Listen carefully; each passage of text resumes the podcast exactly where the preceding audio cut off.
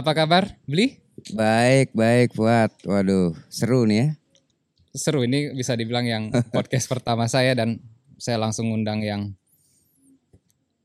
apa ya, yang paling terkenal di Lombok. Enggak, enggak lah. Yang kebetulan kenal. Yang kebetulan kenal. Iya, benar. Em, Beli Dipe ini kan saya kenal sebagai musisi jazz, ya kan? Em, Mm-mm. Kenapa milih jazz? Nah, loh, itu dia selalu menjadi pertanyaan yang sering ditanyakan sama orang ternyata. Eh, sebenarnya eh apa namanya? titel ya. Itu kan titel tuh. Ah. titel yang diberikan oleh orang terhadap eh, pelaku musiknya gitu. Iya. Sebenarnya kalau saya pribadi sih lebih senang dibilang gitaris. Gitu. Oke, oke, Iya, ya. karena emang instrumen yang saya mainin gitar gitu. Nah, bahwa orang ngecapnya sebagai gitaris jazz atau musisi jazz itu awalnya dari orang sebenarnya yang yang bilang, "Wah, beli main jazz ya?" gitu. Nah, jadi kalau dibilang pure main jazz juga enggak buktinya eh, beberapa kali juga ataupun reguleran misalnya contoh di cafe gitu. Random mainnya enggak hanya mainin musik jazz tapi bahwa dibilang senang iya gitu. Dibilang senang. Ah, ah, senang senang dengar dan mainin juga iya gitu. Oke. Gitar. Kapan pertama kali bersentuhan dengan gitar? Pertama kali ya, eh kalau gitar itu dikenalkan instrumen itu sama kakak, kakak yang paling gede nih. Jadi saya bersaudara tuh ada tiga. Yang paling gede sekarang justru nggak ada bersentuhan dengan dunia musik karena kerjanya di salah satu instansi yang nomor dua itu juga musik juga tapi eh, lebih ke desain grafis dia. Nah kakak saya yang paling gede inilah yang memperkenalkan itu waktu itu saya masih kelas berapa ya kelas 3 apa kelas 4 SD lah. Mhm. Nah itu sebatas bisa, sekedar bisa. Dan kalau serius eh, dalemin gitar sih sejak kuliah sebenarnya. Hmm. Tahun 93 lah. Mbak- Itu startnya. Saya anggap startnya yang serius tuh di 93. Kenapa mendalami Gitar, gitar? ya. Jadi gini, dulu saya bersentuhan dengan alat musik nih Heeh. karena ada keinginan untuk jadi populer dan bisa disukai banyak cewek. Jadi itu alasan saya pertama kali. Iya, Beli oke. punya alasan tersendiri? Eh, sebenarnya itu kalau boleh saya bilang tuh kecelakaan. Hmm, Jadi dulu cita-citanya waktu kecil tuh pengen jadi dokter. Oke. Nggak nyambung Nggak kan? nyambung. Ya, Ah. cita-cita jadi dokter. Tahu-tahu sekarang main musik gitu. Eh, waktu SMA, eh, waktu SMA itu sempat diajakin ngeband lah ceritanya. Hmm. Band anak-anak SMA kan. Eh, salah satunya eh, kebetulan satu kampus juga akhirnya dan satu band dulu di SMA. Eh, dialah yang nyemplungin bukan nyemplungin sih ngajak gitu ya. Mhm. Eh kita kuliah yuk diisi nih ada seni musik gitu. Sayanya iya iya aja karena emang seneng gitu. Maksudnya bukan bukan juga sangat kepingin jadi musisi atau emang pengen jadi gitaris yang dikenal gitu. Enggak, enggak ada kepikiran itu cuman pas diajakin oke cocok nih kayaknya gitu. Saya senang musik juga. Ya udah nyoba gitu. Enggak ada satu alasan yang mendasar banget gitu enggak ada. Eh, Kebetulan aja sih kalau menurut saya. Oke.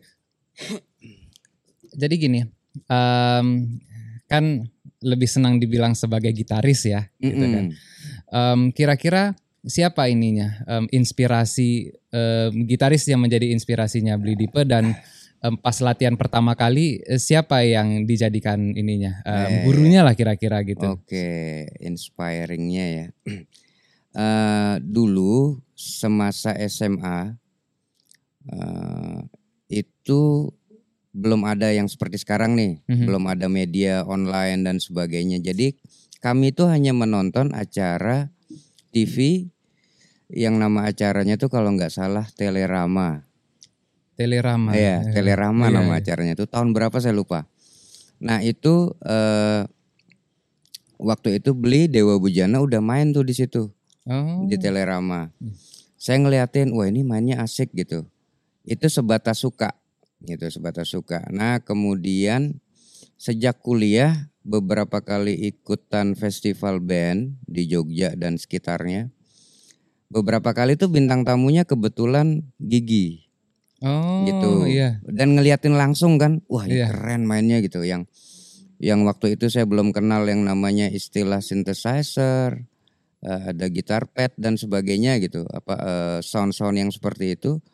eh Bujana udah memainkan itu, wah makin tertarik gitu. Hmm. Nah kalau yang yang eh, Indonesia salah satu favorit saya ya termasuk ya Beli Dewa Iya, Bujana Bujana. kalau Indonesia gitu. Nah sejak saat itu makin giat lah berlatih karena kan ketemu terus tuh di beberapa kali event eh, festival di Jawa gitu. Nah salah satunya itu Bujana. Kalau yang luar eh, salah satu yang sangat justru sangat mempengaruhi itu eh, ke permainan saya ada salah satu gitaris namanya Pat Metheny. Pat Metheny. Ah, ya. itu sangat-sangat sih karena emang terlalu sering kali ya nontonin, terlalu sering ngulik eh, lagu-lagunya ngaruh ternyata gitu. Akhirnya ke gaya permainan dan ada beberapa temen juga bilang "Ah, kamu nih kalau- banget. ah, dulu dibilangnya bujana banget gitu. Karena sering ngulik juga eh, apa namanya lik-liknya bujana. Terus ke- eh, udah nempel banget tuh dulu kamu tuh bujana banget gitu. Nah ya nggak apa-apa sih gitu. Namanya masih belajar kan proses. Terus lama kelamaan dibilang oh kamu pet metani banget mainnya ada senangnya ada enggaknya juga gitu loh ya kan Iya, berarti iya. belum jadi dipe nih gitu Iya, iya, iya, nah iya. itu problem tuh ternyata Iya. gitu Wah kamu kok mirip banget Pat Metheny atau mirip banget Bujana. Wah kapan ya dibilang kamu dipe banget Eh. gitu. Nah kayak gitu. Jadi inspiring yang inspirasi saya salah duanya itu yang eh, sebenarnya ada beberapa sih kalau Indonesia seperti kalau seneng juga kayak Tohpati. Kalau Top- eh, Mas Tohpati itu saya mengambil sisi kedisiplinannya dia berlatih, terus eh, tightnya dia kalau dalam eh, main gitu ya eh, di instrumen gitar tuh Tohpati itu benar-benar sangat sangat rapi banget mainnya. Nah kalau yang eh, ide-ide kreatif Balawan. Nah itu tiga orang inilah yang sangat sangat menjadi apa eh, menginspirasi lah saya ya. bilang. Nah kalau yang luar emang sih eh, Pat Metheny dan eh, salah satu gitaris juga blues namanya eh, Robin Ford. Enggak enggak pada dengan Robin Nah, Ford ya. ah, namanya. Robin Ford Oh. itu eh, blues tapi udah modern dia. Dia Ah, blues tapi udah iya, gaya mainnya udah modern lah gitu. Nah itu Fuad. Hmm. Kalau menurut Beli Dipe nih, apa yang membuat seorang gitaris itu dikatakan gitaris yang hebat? Atau Nah. gitaris yang benar-benar gitaris kita bilang gitu. Gitu ya. Ini pertanyaan tapi bukan jebakan Batman kan? Enggak, enggak, enggak. Saya saya Ba- pikir yang mendengar Pertanyaan ini- bahaya nih. Soalnya gini saya merasa yang nonton eh, acara ini kebanyakan pasti musisi juga. Mungkin mereka Oke. butuh inspirasi atau Gitu ya. referensi gitu.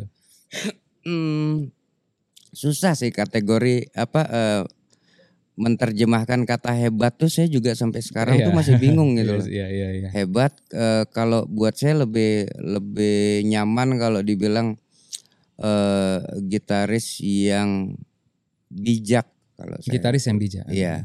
Karena kalau hebat itu anak-anak sekarang banyak nih gitaris muda-muda yang muncul sekarang tuh hebat-hebat kalau menurut saya. Iya. Dalam tanda kutip ya, eh, hebat itu bisa luas maknanya. Bahkan bisa bias kalau menurut saya karena Mhm. eh dulu eh, kalau pengalaman saya semasa festival istilah hebat itu menjadi istilah yang populer. Hebat itu dianggap ketika kita mainnya speed Hmm. speed speed yang tinggi gitu main gitar tuh mesti speed gitu era dulu nah terus kemudian muncullah mulai populer eh, banyaknya jazz festival di Indonesia banyak bermunculan musisi jazz dibilang hebat ketika mereka mainnya nggak umum nggak mainstream Iya, iya, iya, nah yang iya. kayak gitu-gitu jadi sebenarnya makna hebat itu sendiri buat saya eh, jadi bias gitu bias, oke. Nah kalau saya lebih lebih berpikir gimana kita eh, menjadi seorang musisi yang yang bijak dengan apa yang kita punya gitu, apa yang kita emang kuasai sebenarnya itu aja sih. Kira-kira apa yang harus dilakukan para gitaris supaya bisa menjadi seperti itu? Eh, Atau musisi secara umum lah. iya iya iya. um, sebenarnya yang paling susah dilakukan adalah jujur sama diri sendiri. Maksudnya? Nah, jadi gini, wah dalam nih bahasannya. Jadi uh, musisi yang yang uh, fenomena yang terjadi nih bahwa di Indonesia khususnya kalau saya ngelihat ngamatin berlomba-lomba untuk menjadi yang seperti kalimat eh, kata-kata yang tadi itu kata salah satu kata hebat itu. Akhirnya membuat orang berkompetisi untuk uh, menjadi seseorang yang akan uh, melewati uh, lebih ke skill lah akhirnya. Mereka berpikirnya lebih ke skill. Misalnya nih ada gitaris ternyata mainnya speednya cepet banget nah si ini si A si B pengen melebihi speed. Jadi selalu ada uh, kompetisi dalam konteks uh, yang justru tidak uh, mengedepankan esensi musikalnya kalau menurut saya. Nah, itu itu akan membuat uh, jadi bias gitu. Nah, kalau menurut saya yang paling perlu di, dilakukan adalah menggali apa yang justru apa dicari kelebihan kita tuh apa gitu. Nah itu yang paling susah sih emang uh, jujur sama diri sendiri. Misalnya nih, contoh, waduh saya nggak bisa main speed, ya nggak harus paksain latihan itu. Nah dicari dicari elemen yang lain yang bis, yang mungkin untuk kita uh, uh, lebih nyaman mainin. Misalnya, oke okay, saya nggak mungkin main speed nih, ya udah saya coba mainin lick-lick, tidak speed tapi juga enak. Nah gitu, lebih lebih berani lebih jujur aja ke diri sendiri. Misalnya punya uh, satu uh, kelebihan misalnya dalam konteks wah saya uh, senang mengkonsep misalnya uh, membuat karya yang mungkin tidak banyak juga teman-teman yang lain melakukan itu. Nah, mungkin itu yang perlu digali. Dicari aja apa kita lebihnya di mana gitu. Hmm. Itu sih kalau ke musik ya dan uh, as a player gitu. Bebas sih uh, mau musisinya uh, pilihannya banyak. Contoh gini, uh, banyak orang akhirnya uh, musisi khususnya uh, kita nggak usah terlalu lebar dulu, lombok deh dulu gitu. Mm -hmm. Ma ternyata masih minim yang melihat musik itu bukan hanya menjadi seorang player. Musik ini kan cakupannya luas nih. Misalnya kita bisa menjadi seorang arranger misalnya. Kita bisa menjadi seorang musik ilustrator. Musik ilustrator. Iya, itu kepake misalnya ketika ada entah itu film, oh. entah itu di iklan, entah oh. itu uh, atau ada istilah kerennya yang sekarang muncul itu musik designer. Oh, saya baru dengar ini. Ya, jadi ada istilah itu muncul musik designer yang dia mendesain uh, si uh, entah itu as a back sound ataupun uh, sebagai satu uh, satu apa elemen yang juga uh, utama di dalam konteks movie misalnya kayak gitu. Mm -hmm. Itu ada istilah begitu cuman saya sendiri pun belum mendalami istilah itu. Musik designer itu saya malah bingung dengan istilah itu gitu. Yeah. Tapi kalau musik ilustrator yang saya pahami adalah itu salah satu uh, pilihan juga yang yang bisa diambil sebenarnya. Contoh iklan tuh, iklan uh, baik komersial ataupun uh, apa pun ya. Ada film, terus sekarang muncullah film-film pendek, ya kan? Misalnya company, apakah di Lombok sudah mulai butuh apa enggak? Tapi kan itu patut dicoba, gitu. Jadi banyak elemen yang lain, enggak hanya player sih. Enggak hanya player ah, ya. Ah, benar. Sambil minum nggak apa-apa? Nggak apa-apa silakan. uh, saya nih kan musisi modern ya, jadi di hmm. di itu dan culture musiknya itu juga musik modern yang lebih sering dikelilingin sama musisi musisi-musisi YouTube, ya, musisi-musisi sosmed gitu kan. Okay, dan, dan saya benar-benar merasakan apa yang beli di bilang ya. Um, setiap musisi modern di zaman sekarang itu, kalau saya berusaha untuk meng one up musisi yang lain gitu. Okay. Jadi ada yang satu buat kayak begini dengan kecepatan seperti ini dia kalau bisa buat lebih cepat lagi gitu. Hmm. Ada yang misalnya um, dia buat efeknya kayak begini suaranya garang atau uh, uh, serem gitu kan dia hmm. buat lebih. Jadi em, yang saya perhatikan ya selama ini memang eh, kebanyakan musisi yang yang populer di zaman sekarang yang tidak berada dalam settingan band Mm-mm. dan ini pengalaman saya pribadi selalu berusaha untuk me- melebihin dan dan yang dilebihin bukan sebenarnya bukan kepada musiknya tapi lebih Hmm. kepada teknik bermainnya Iya, gitu skillnya benar. benar-benar Iya, iya, benar-benar itu. lebih me- mengapresiasi skill daripada mengapresiasi kayak misalnya song making dan Iya, iya, iya. yang apa music arranging ya saya Ah. benar-benar ini sesuatu yang saya pelajari sekarang Oke. dan selain itu ya saya juga ingin menambahkan nih perspektif sebagai seorang basis Em, kebanyakan basis em, pada dasarnya basis ini kan meng- mengiringi suatu suatu Mm-mm. mengiringi gitar dia dia menjadi bahasa saya menjadi em, peng- penghubung antara drum sama gitar kan gitu Oke. saya terinspirasi dari pembahasan ini bahwasanya bagaimana eh, seorang seorang basis itu bisa memaksimalkan potensinya adalah tentang bagaimana me- mengisi bass line yang eh, complementary terhadap Iya, iya. eh, suatu suatu lagu kan Mm-mm. gitu. Jadi ya Mm-mm. saya saya belajar oh iya ternyata kita nggak mesti harus jago-jago banget, slap kita nggak harus Iya, yang iya, iya. eh, tight-tight banget gitu kan. Hmm, Yang penting kita bisa mengkomplement eh, gitar dan dan dan lagunya secara keseluruhan. Mm-mm. Ini ini ini yang saya dapat sekarang. Iya, iya, iya. Sekarang kita bicara alat ini. Oke. Apa gitaris eh, eh, sorry, apa gitar favorit, apa gitar impian dan kenapa? Itu ya, favorit. Gitar favorit. Akhirnya kata favorit itu kan eh, saya menerjemahkan kata favorit sebagai alat yang paling sering digunakan. Iya. Ya kan? Iya. Nah, kebetulan sekarang itu punyanya cuman itu. Punyanya cuman Squire Telecaster Thin Line itu Eh, ya, ya. yang Jepang. Karena di era pandemi kemarin habis dijualin. Oh, habis eh, dijualin semua alat ya karena emang eh, nggak ada kerjaan Iya, di masa pandemi kemarin. Nah, akhirnya itu menjadi favorit saya dan emang sih sebelum gitar-gitar yang lain dijual juga eh, si Squire Telecaster ini yang paling sering saya gunakan. Eh, kalau gitar impian eh, sejak dulu sih pengen banget punya, tapi belum belum kesampaian. itu eh, si yang dipakai. Kalau dulu kan Steinberger tuh yang yang populer, Iya, yang Steinberg. headless.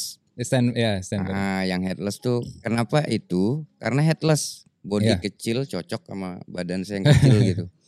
Nah itu eh, gitar impian itu salah satunya si Steinberger. Nah sekarang begitu ngelihat Bujana ada pakai kisel, Kisah.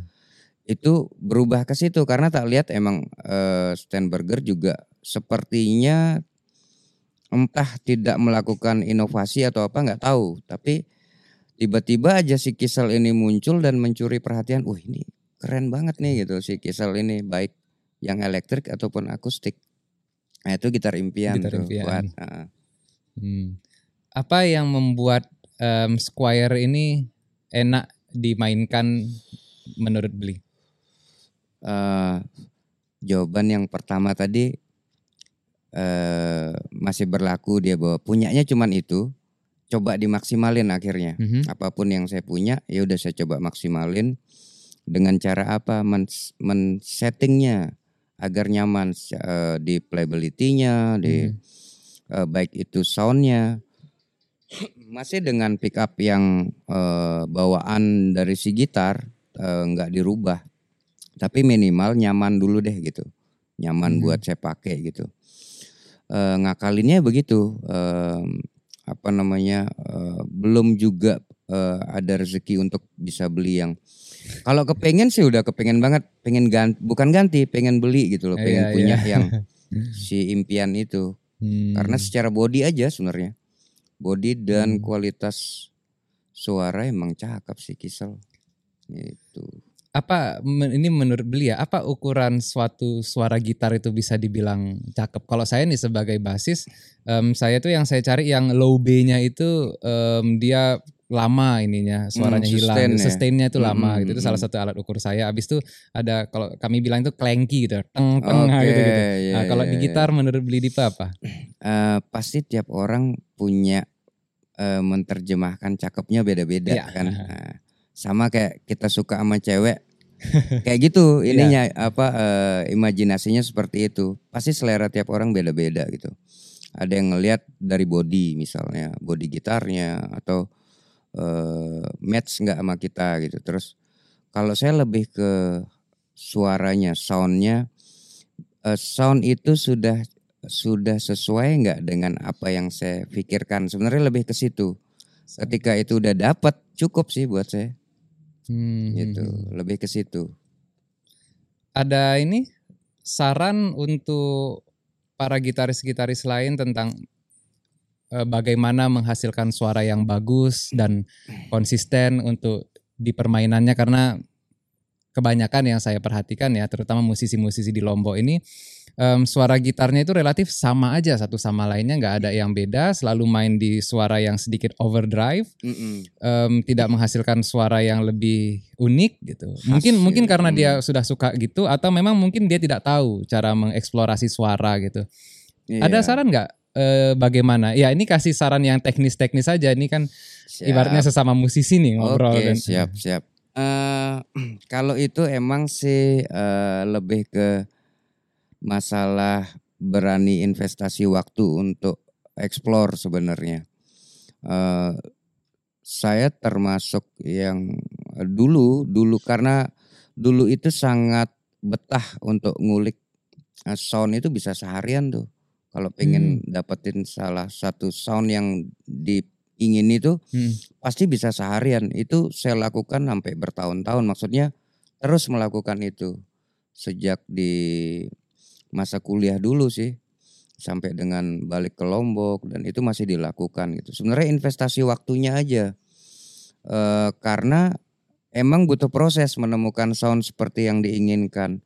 Nah, cuman kalau kita ngelihat sekarang e, perkembangan teknologi yang terjadi, baik itu teknologi untuk kepentingan musik ataupun di luar musik, itu udah sangat dimudahkan kalau menurut saya. Yeah. Jadi dengan e, pedal efek yang ada, sebagian besar pedal efek yang diproduksi sekarang udah dilengkapi dengan preset. Iya. Sebenarnya iya. sangat mudah kan? Iya, iya, iya. Nah, balik lagi ke kitanya, mau nggak investasi waktu untuk mendapatkan sound iya. yang yang sesuai dengan yang kita mau. Nah, itu aja sebenarnya. Masalah itu, problemnya di situ. Rata-rata saya ngelihat akhirnya ketika tidak pernah mencoba untuk menginvestasikan waktu, yang terjadi ya by preset aja. Cukup yeah. puas dengan preset yang ada, selesai gitu. gitu. Apa benefit yang bakalan didapat sama musisi-musisi ini kalau mereka memilih untuk menginvestasikan waktunya uh, kepada suara gitu? Mungkin yang mereka pikirkan gini, ah ngapain dah aku explore kan, mm -hmm. uh, yang penting aku buat suara yang audiens suka kan udah gitu. Kan oh, iya. bisa aja ada mindset yang kayak gitu. Mungkin Benar. saya rasa pun agak dominan gitu. Mungkin Benar. mereka karena nggak ketemu benefitnya. Benar. Uh, iya, mungkin ya. Mungkin itu salah satu uh, apa namanya faktor membuat mereka enggan untuk investasi waktu. Uh, gini, uh, sesederhana sesederhana yang yang saya alami aja, yang saya pernah uh, di dalam experience saya lah. Jadi sampai satu momen ketika ada satu uh, komen gitu ya dari dari si pendengar. Mm -hmm. uh, tiba-tiba ada yang WA atau uh, ber apa celetukan gitu. Mm -hmm. oh ini pasti beli yang isi gitar. Gitu. Sesederhana itu sebenarnya. Jadi kalau kita tidak melakukan itu gimana orang akan mengenal uh, kita sebagai uh, gitaris ataupun instrumenta uh, instrumen instrumentalis. Uh, instrumentalis yang lain gitu.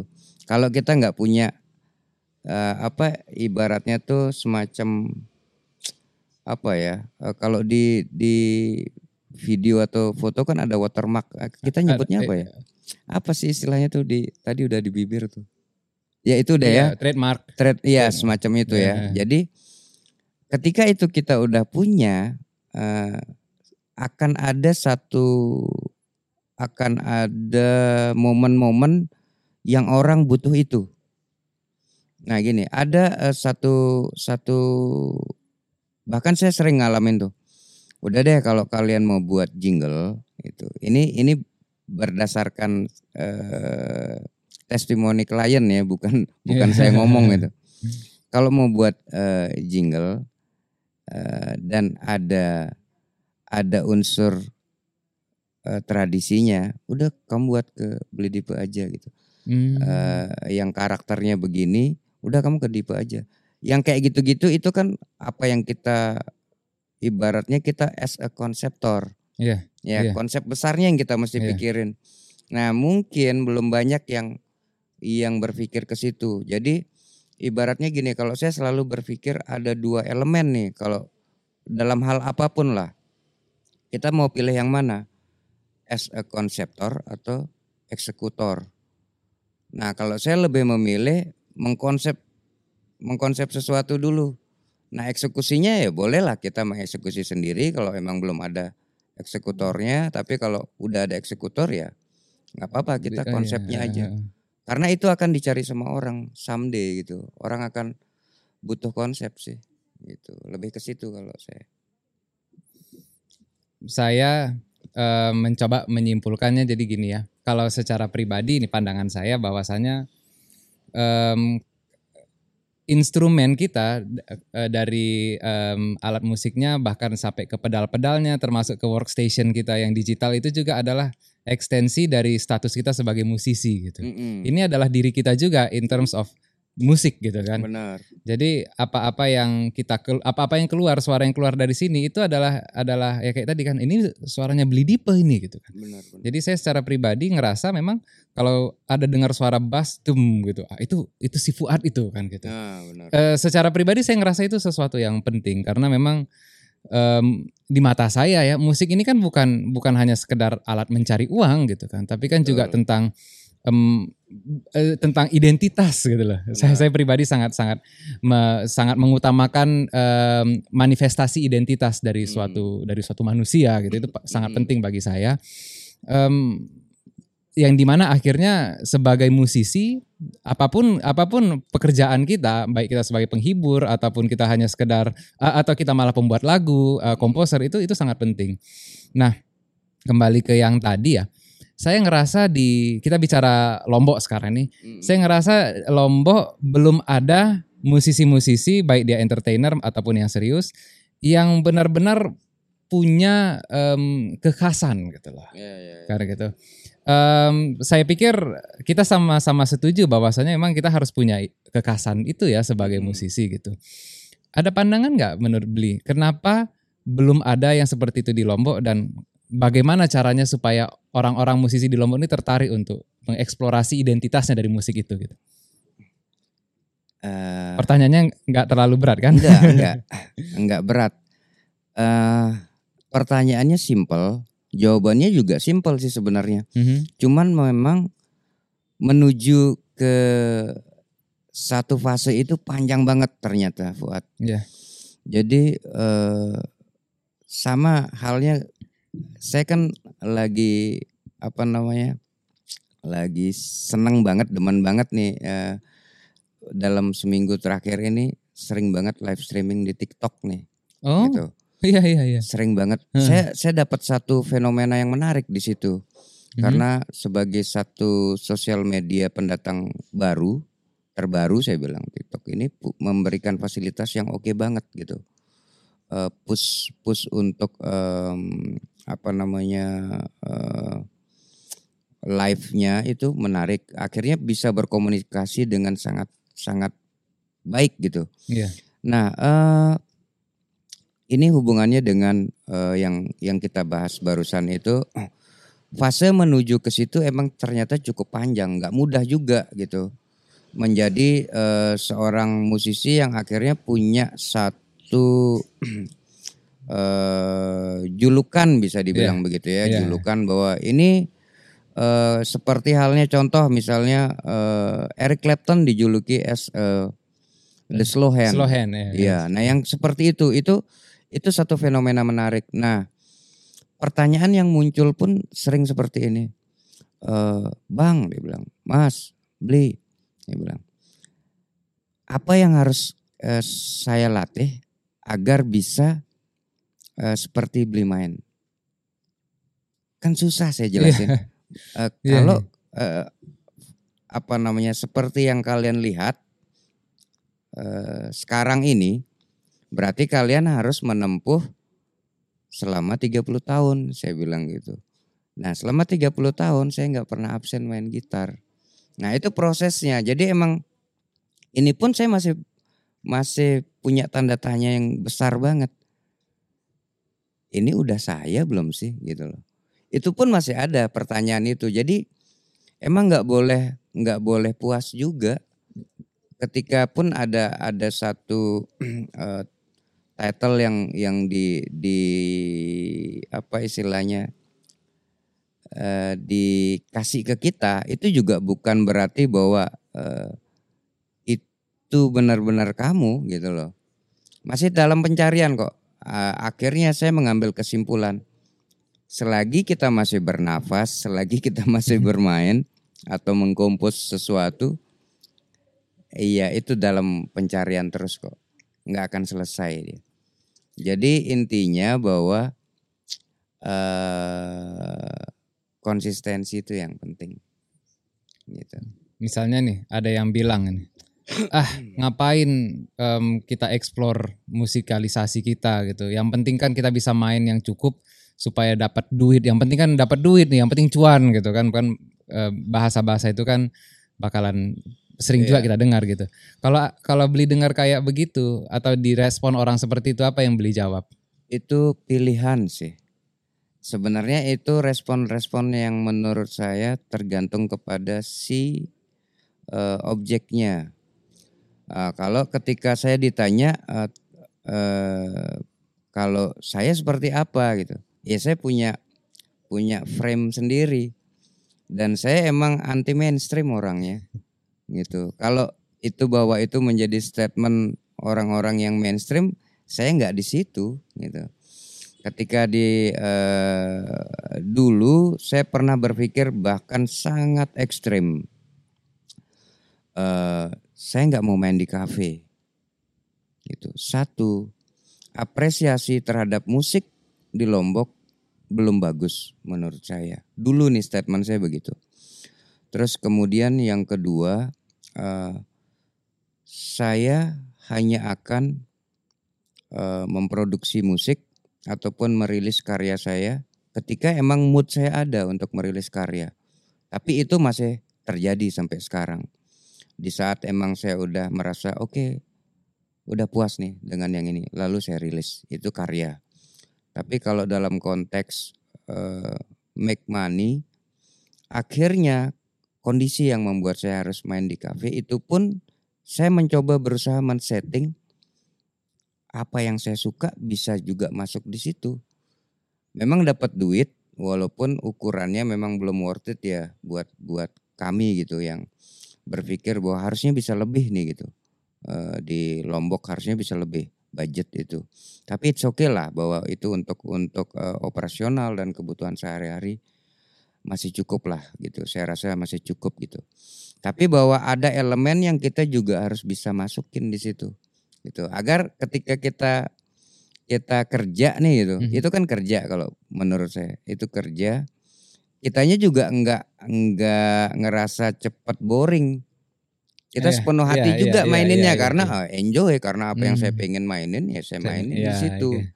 dan making money gitu loh. Yeah, yeah, itu yeah. kan menarik gitu loh. Yeah, yeah, yeah. Itu sebenarnya fenomenanya mestinya berpikirnya begitu.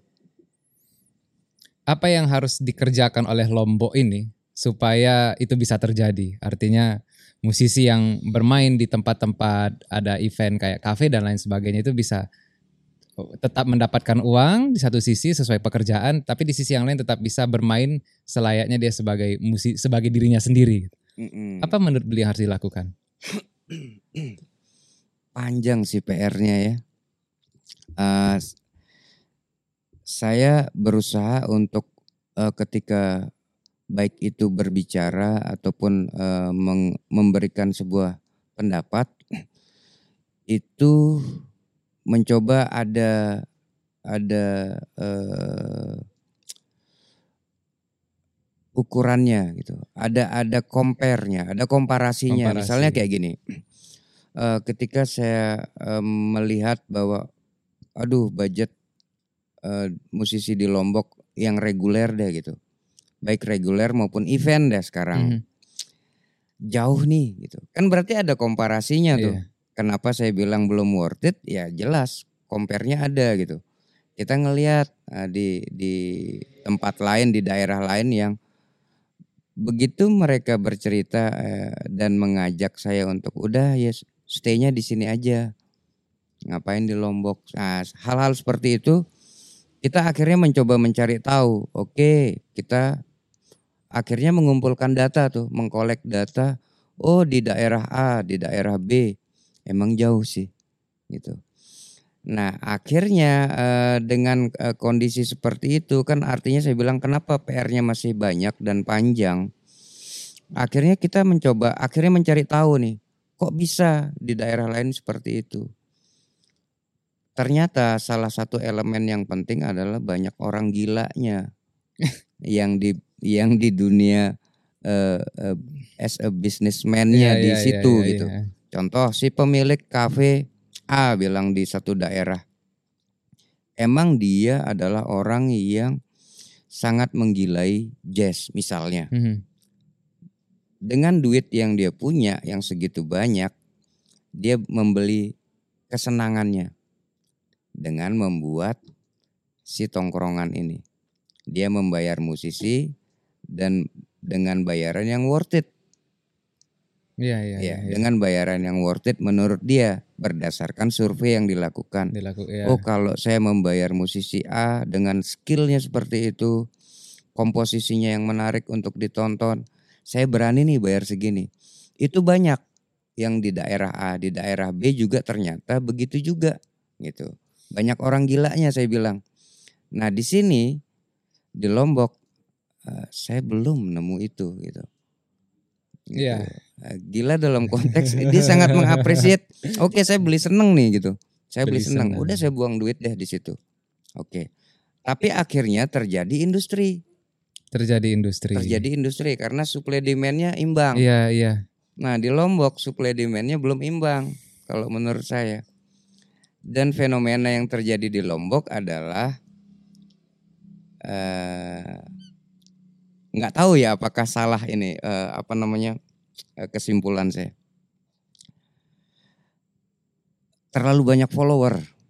Maksudnya? Yang eh, konsep berpikirnya udah kita jadi follower aja. Misalnya nih ada satu menu baru Satu menu baru Ya, contoh ini ada eh, di Lombok nih lagi eh, muncul nih satu menu baru, bilang eh, anggap deh kafe A gitu. Mhm. Biasanya nih akan muncul juga kafe-kafe yang lain dengan konsep, Konsep yang sama. sama. Itu sering banget tuh Iya, iya, terjadi iya, di iya. sini. Nah, ujung-ujungnya si follower jika dia tidak punya kemampuan yang bisa eh, yang cukup untuk untuk terus bertahan, ini akan akan kolaps dengan sendirinya gitu. Nah, itu yang yang terjadi di Lombok kalau saya lihat. Belum belum pernah satu pun saya lihat eh, si eh, satu tempat gitu yang emang dengan setnya itu dari awal udah jelas. Misalnya sangat spesifik dan berani menentukan segmen marketnya. Udah jelas nih misalnya oke saya mau buat jazz jazz club nih misalnya atau mau mau eh, buat eh, hard rock deh gitu. Kenapa hard rock cuma nyampe di Bali misalnya? Itu kan ada satu pertanyaan juga kan muncul. Nah, sekarang muncul eh, fenomena bahwa di salah satu kafe eh, kita sebut aja ada kafe kemuning yang dengan eh, muncul eh, itu kan karena komunitas Karena komunitas. bukan bukan es eh, eh, berpikirnya bukan atas dasar si eh, pemilik sejak awal men-setting untuk itu gitu. Iya. Nah, ataupun di di tempat lain itu belum belum ada sih satupun saya lihat yang emang dari awal udah men-set nih. Udah deh saya buat eh, misalnya yang kayak saya bilang tadi jazz club atau misalnya kafe khusus lagu-lagu apa sih kalau orang bilang nih lagu kenangan gitu. Misalnya tuh lagu kenangan ya bener ya? Nostalgia lah Iya minimal. kayak Tembang gitu. kenangan. Tembang gitu kan. kenangan. Iya, ya iya. khusus buat itu misalnya gitu. Itu belum. Ah, kalau di Bali kita sebut Bali deh. iya itu yang pengen saya dengar dari tadi. Eh, terus- banyak banget buat. Iya. Misalnya kayak gini. eh begitu nyam, nyampe di bandara cetek aduh saya pengen nongkrong malam ini pengen nonton reggae. Jelas udah di Iya. iya. disodorin nih ini nih kafenya, nih Hmm. tempatnya, nih klubnya. Saya pengen nonton jazz, udah kamu Hmm. nongkrongnya ke sini. Jelas tuh. Nah, Iya, kalau iya. teman-teman contoh nih saya punya pengalaman. Ini pengalaman pribadi dan ini by by anu ya, apa fakta gitu, Iya. bukan bukan bukan dibuat-buat. Ada satu eh, momen waktu itu eh event Senggigi Sunset Jazz yang tahun tahun lalu ya kalau nggak salah Mhm. tahun lalu. Nah kebetulan aja itu banyak teman-teman saya semasa saya di Jogja menjadi eh, musisi eh, session playernya eh, beberapa artis gitu yang Ya. yang tampil di Senggigi Sunset Jazz. Selesai mereka perform, mereka nyamperin dan nanya ke saya, "Pe, eh, dia pakai bahasa Jawa tuh bilang gini, wah engkau bengi aku free ki, Eh, nek aku pengen nongkrong jo jam session koyo biasanya nongkrongnya neng dia dia bilang. Dia nanya gitu. Iya, iya. Kalau ntar malam kita kami semua nih free nih. Kita nongkrong di mana? Pengen jam iya. session nih gitu. Eh, Kan bingung jawabnya Fuad. Ke mana ya saya ngajak? Ah mereka main mereka musisi jazz semua nih. Aduh cilaka gitu.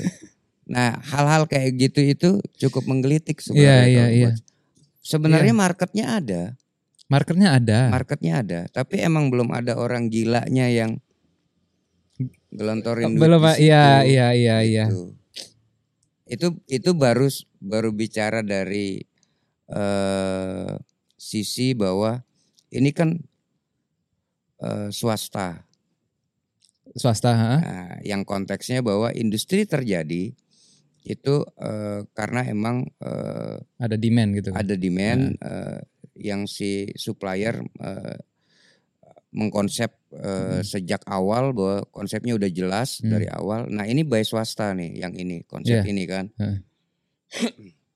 Nah kita berbicara lagi tentang sebuah konsep berpikir yang lebih gede.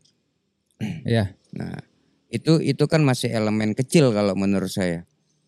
Oke Mhm. efeknya akan akan ada nggak eh, kalau itu terjadi? Ada. Cukup bagus efeknya kalau itu terjadi terhadap baik si pelaku ataupun marketnya ataupun audiensnya ya customer yang akan masuk ke situ udah jelas gitu tersegmentasi. Nah sekarang ketika kita bicara tentang konsep besar itu nggak cukup hanya bicara swasta harus ada keterlibatan pemerintah di dalamnya sebagai sebuah konsep besar. Contoh saya selalu bertanya-tanya sejak dulu sejak saya balik dari Jogja tahun 2004 dan eh, sempat juga di di bukan dikata-katain sih tapi eh, banyak keluar kayak gojekan gitu ya bercandaan dari teman-teman. Wes kue ngopo babat alas neng kono gitu loh. Ini ngejeknya. Iya, kadang dengernya itu jadi semangat ya. Mhm. Eh, Itu motivasi buat saya. Ada satu semangat baru gitu di dikatain seperti Iya, itu. iya. Yang kedua kesel juga gitu loh. Mhm. Jadi kayak menganggap bahwa Lombok ini primitif banget gitu loh. Itu kan eh, nggak asik juga ya. terus-terusan kita Iya. dengar gitu. Nah, akhirnya saya mencoba berkaca lagi ke eh, tempat-tempat yang memang eh, ketika si seniman, para senimannya bisa hidup eh, di daerahnya sendiri dan bisa survive, bahkan bisa sangat kreatif menghasilkan sesuatu yang bisa menjadi aset buat daerah. Aset buat daerah. Iya. Oke, sekarang kita berbicara tentang konsep eh, tourism Aha. pariwisata karena musik atau seni kita lebih luas eh, berbicara tentang art gitu itu juga bisa menjadi salah satu senjata Untuk pariwisata. jika gitu. memang difungsikan sebagai senjata kan problemnya itu gitu Oke, oke. kalau konsep besarnya tidak memposisikan seni sebagai senjata ya dia nggak akan jadi senjata gitu Menurut Blidipe sekarang pemerintah em, ini pandangan pandangan pribadi ini bebas ya. Mm-mm. Em, seperti apa memperlakukan musik? Apa konsep pemerintah? Mu- Konsep musik ini apa di mata pemerintah gitu? Saya orang yang eh, jujur aja tidak pernah mencoba mencari tahu apa yang ada di dalam pikiran, Pikiran mereka mereka, ya. sih gitu ya. Hmm. Si orang-orang yang eh, yang duduk sebagai eh, Di pemerintahan. di pemerintahan gitu ya, duduk di pemerintahan program mereka apa, target mereka apa ataupun unggulan mereka apa di dalam eh, konsep besarnya di D- di NTB ini saya bilang gitu. saya hanya sederhananya berpikir begini. eh mencoba mengambil sebuah contoh aja, sederhana aja. Misalnya ketika di daerah lain sekarang Jogja dengan eh, sebuah kegiatan yang menarik di Malioboro kalau menurut Iya. saya para seniman bisa turun ke jalan dan ada satu gerakan-gerakan menarik keraton memberikan space untuk para seniman untuk berekspresi di situ itu sebuah hal yang menarik dan akhirnya bisa menjadi sorotan dunia betapa mudahnya mempublish dan mempromot itu eh, menjadi satu sajian yang sangat menarik yang mengattract para wisatawan, Wisatawan. ya. itu untuk datang ke situ hanya untuk nontonin itu Hanya oh gitu iya. itu kan menarik tuh Iya, iya, gitu ada satu fenomena baru kalau saya lihat bahwa betapa mudahnya eh, kita mempromot sesuatu ya mempromot sesuatu dan akhirnya orang datang karena itu nah, nah jika semakin banyak semakin banyak demand terhadap hal itu saya yakin ini akan mengattract pemerintah juga untuk mulai aware Nah, emang ada dua dua elemen penting. Si pelakunya juga mesti kreatif.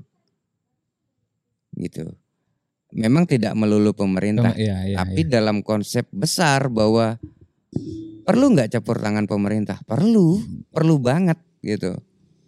Nah, karena kita tidak bersinggungan atau saya pribadi tidak terlalu bersinggungan dengan eh, orang-orang yang duduk di eh, pemerintahan.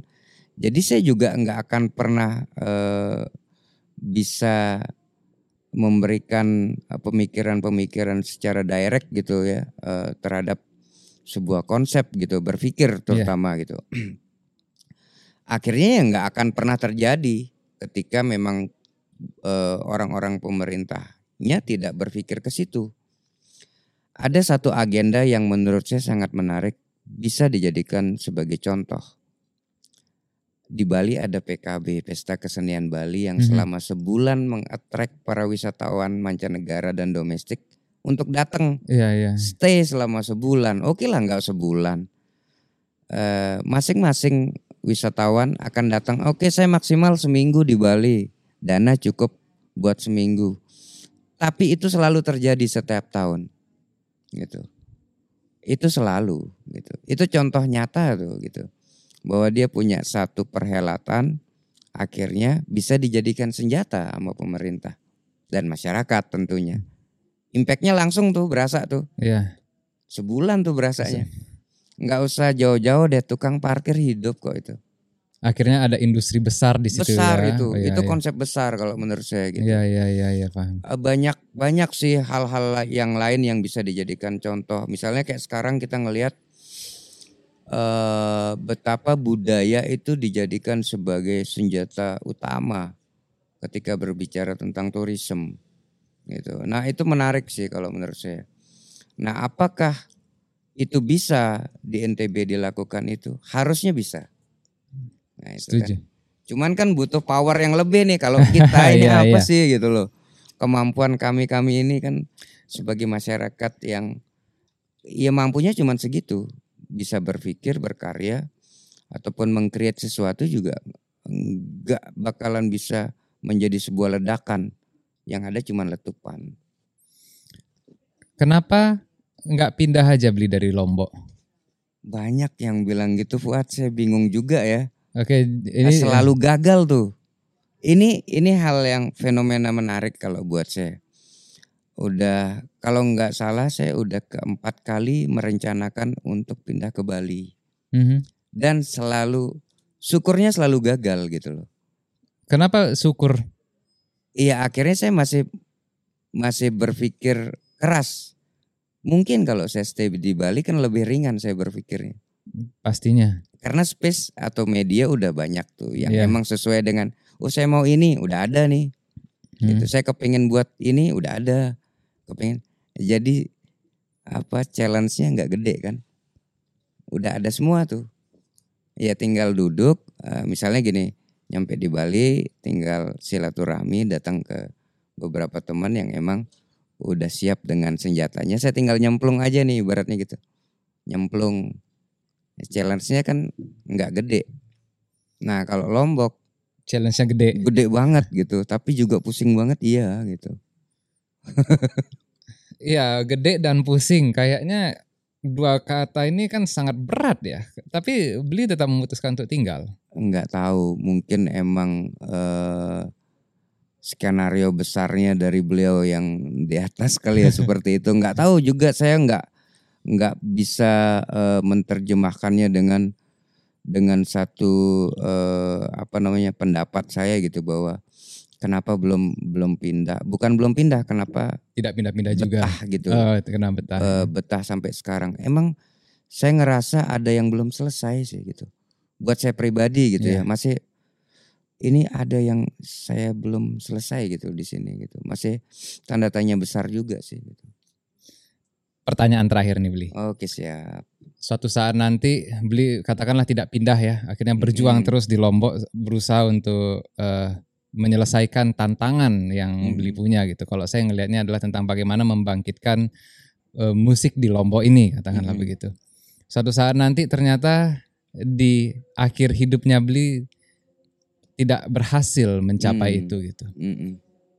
Kira-kira itu adalah kehidupan yang pantas di apa itu kira-kira itu semua worth it nggak? Apakah di eh, di hembusan nafas terakhir beliau akan berpikir ya nggak apa-apalah, yang penting aku sudah berjuang, yang di atas sana lebih tahu, atau beliau akan menyesali itu semua? ya ini jadi anu saya nih jadi terharu dengar pertanyaan seperti ini. Langsung eh, kebayang tuh. Itu kan panjang tuh perjalanannya. Bahkan eh, kita saya pribadi eh, belum ber- berpikir sejauh itu.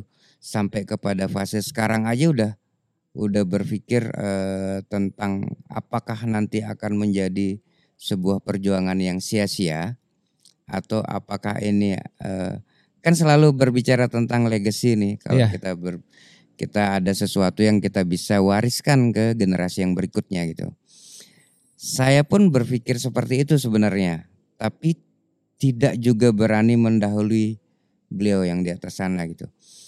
Eh tentunya saya enggak akan pernah bilang bahwa akan ada kekecewaan di situ enggak. Bahwa karena apa? Karena yang saya lakukan selama ini di sini bahkan sampai pada eh, nanti di akhir hayat pun minimal ada yang sudah saya pernah perbuat gitu. Walaupun mungkin as a legacy tidak berbentuk apa pun it's okay gitu. Gitu. Tapi paling tidak eh, sampai pada saat ini sudah ada karya yang bisa menjadi legacy saya ke anak gitu. Minimal itu bahwa ada sebuah konsep besar pun yang belum terjadi nanti it's okay nggak apa-apa gitu. Yang penting udah melakukan semaksimal yang kita bisa aja. Gitu Fuad kira-kira. Wah serem nih bahasannya Fuad nih. Iya, karena saya percaya ya em, bahwasanya pada akhirnya musik adalah tentang identitas diri, artinya adalah tentang bagaimana suatu saat nanti kita akan dikenang, kan gitu. Mm-mm.